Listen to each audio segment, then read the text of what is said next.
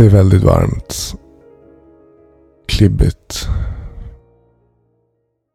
Vi befinner oss i eh, central Europa. 1760. En ung vacker kvinna sitter med sin make, borgmästaren,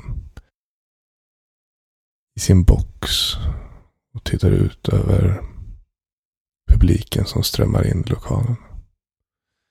Genom sin lilla kikare så ser hon en man som är ovanligt attraktiv och snyggt klädd.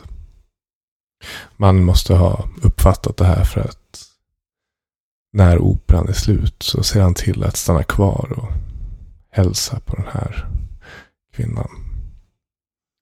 Hon eh, frågar om han ska på balen dagen efter. och Han svarar Ja, men bara om du inte dansar med någon annan.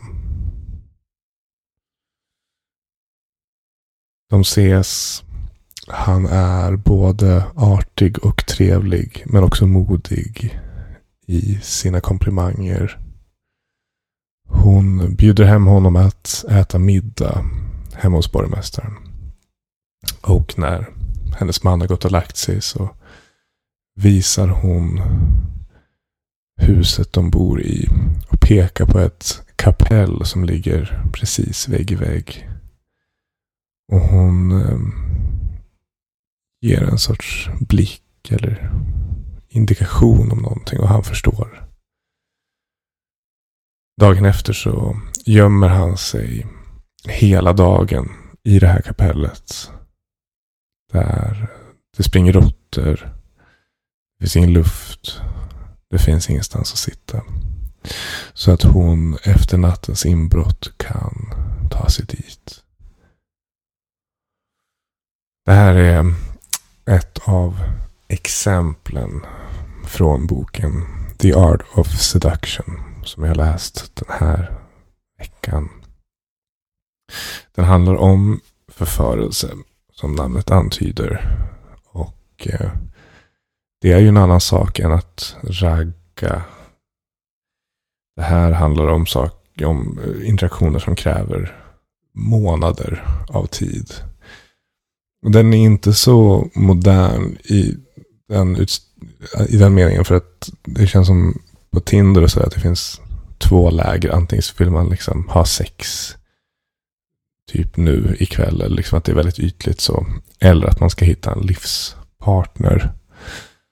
Men den här boken är lite mer gammeldags eller klassiskt romantisk. Att den eh, pratar om förälskelse och förförelse. Det är inte alls uppenbart att det här ska leda någonstans. De flesta förförarna i boken, för den, den består mest av olika exempel på historiska förförare och vad de har gjort. Eh, ja, de ligger väl då antar jag efter de här månaderna. Men det är inte så att det är, det är inte kärlek liksom på det sättet. Det handlar om att vinna över någon. Han eh, instruerar då, det är en sån här manual typ. Och det finns tre delar av manualen. Den första är att man ska själv bestämma sig vilken roll man spelar. Och det kloka här är att man måste tänka på vad den andra personen vill ha för någonting. Vilken typ av lucka ska man fylla i dess liv? Det tror jag det är säkert sant. Att det är så man ska tänka om man vill förföra någon. Vilken arketyp uppfyller jag? En arketyp är då the ideal lover. Jag vet inte hur man, hur man ska tänka. Det, det, det är inte jättelätt om man bestämmer sig för att okej, okay, jag ska framstå som the ideal lover hur man ska göra då. Han är generellt jätte, jättevag i boken. Det är mest sådana här eh, exempel på typ Errol Flynn var så här 1950 i en helt annan tid och liksom bara tog ett flygplan ner till någon ö och hittade en vacker 16-åring och gav familjen massa pengar och sen flög han hem henne. Och det ska liksom vara ett exempel på hur man förför någon. Um, efter man har valt vilken karaktär man själv är så ska man välja uh, eller man ska försöka analysera ens offer. Och då använder han ju konsekvent ordet victim. Och det förvånade mig lite för att det är ju ändå Penguin som har givit ut den här boken, ganska stort förlag. Och uh, offer känns ju liksom, ska man gå ut och, vad fan. Eh, man kan ju tänka sig på ett snällt sätt att man är liksom offer under en, eh, vad heter det, en eh, förtrollning typ. Det är väl den finaste sättet att se på det. Men just victim offer, det är ju, det är, det är ju sunkigt ändå. Sen då, när man båda har kommit fram till vem, vem man själv är och vem den andra är, då börjar själva steg för steg manualen i förförelse. Och, och, jag tror att det fanns 24 steg. Det är verkligen ett hästjobb om man vill att någon ska bli intresserad av en. Ehm, det första steget är att man ska bli vän med den här personen. Det tycker jag det är fint. Och sänker de ju garden. Och eh, det är trevligt om man har kemi när man snackar. Så. Ja, det är en, en attraktiv sak för båda. Men självklart så är ju vinkeln här att det är ju ett lur. Alltså man har hela tiden baktankar med den här vänskapen. Jag menar det är ju verklighetsbaserat. Det är väl så jättemånga interaktioner ser ut. Och det är så människor gör, eh, både med flit och inte. Eh, men den är, liksom, den är rå cynisk, den här boken. Han har inga, eh, vad ska man säga, krusiduller om hur mänskligheten funkar. Jag försöker bara vara pragmatisk med, jag vet inte, jag, jag tänkte först när jag skulle göra det här poddavsnittet att jag skulle göra, att det var ett kul grepp och att jag försöker följa det här och berätta för er hur det gick att förföra någon. Men det är alldeles för, det är alldeles för svårt. Eh, jag har inte tid med 24 steg. Jag har ett jobb också. Spela in podd och grejer. Så att det, kommer inte, det kommer inte hända tyvärr. Eh, jag tror inte heller jag har med mig så mycket lärdomar som jag kan dela med mig av. Det är ju det klassiska liksom.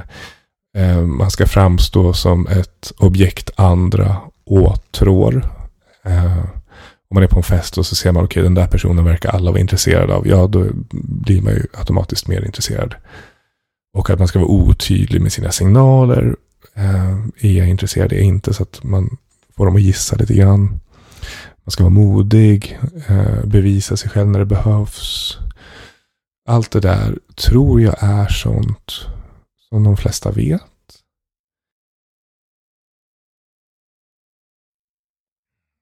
Som de flesta, som de flesta vet. Betyget blir två av fem, tror jag. Läs den här bara om du inte har något alternativ. Han skriver bra i meningen att det är liksom inte fel, men det är heller inte liksom en bra, det är inte läsvärd prosa på så vis eh, hans exempel och de här analyserna han gör. Det, det, det tror jag hade, om en annan person som var smartare hade gjort den här, hade det kunnat bli jätteintressant. Och förstå hur den förförelseprocessen faktiskt ser ut. Olika historiska exempel, lite psykologi. Idén är god och idén är intressant. Inte bara som manual om man ska göra utan bara generellt hur människor funkar. Men eh, nej, de här exemplen är inte klockrena. Alltså han sätter typ, här är tre personer som har gjort si och så. Och när man läser exemplen så känner jag i alla fall, nej, det är ju inte exakt så. Han är inte, han är inte smart nog. Ehm, Eh, det är också lite fegt att han inte berättar någonting om sina egna erfarenheter. Det hade ju varit mycket mer intressant. Jag har inte läst den här The Game som alla pratade om förut.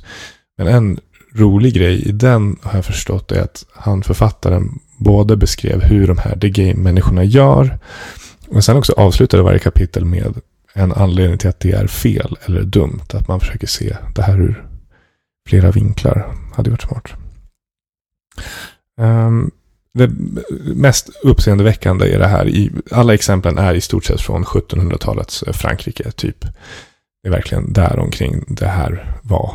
Eh, spännande och eh, det hände, verkar det som. Eh, men, och det är alltid så här, folk heter franska och italienska namn och man har ingen aning om vilka det är. Men i ett exempel då som jag skummar igenom så jag bara, det här, fan, det här känner jag igen. Vad är det här för någonting? Och då är det boken som sen, jag tror ligger till grunden för Hollywoodfilmen En djävulsk romans. Så att han tar också fiktiva exempel från böcker. Det är så jävla dumt. Då är det verkligen ingenting kvar. Så att nej. Um, du, The Art of Seduction av Robert Greene. Så ångrar oss att sätta en etta. Nej, då hade de behövt vara liksom, sämre gjord. Det har ändå tagit många år här. Men eh, nej, förvånansvärt va.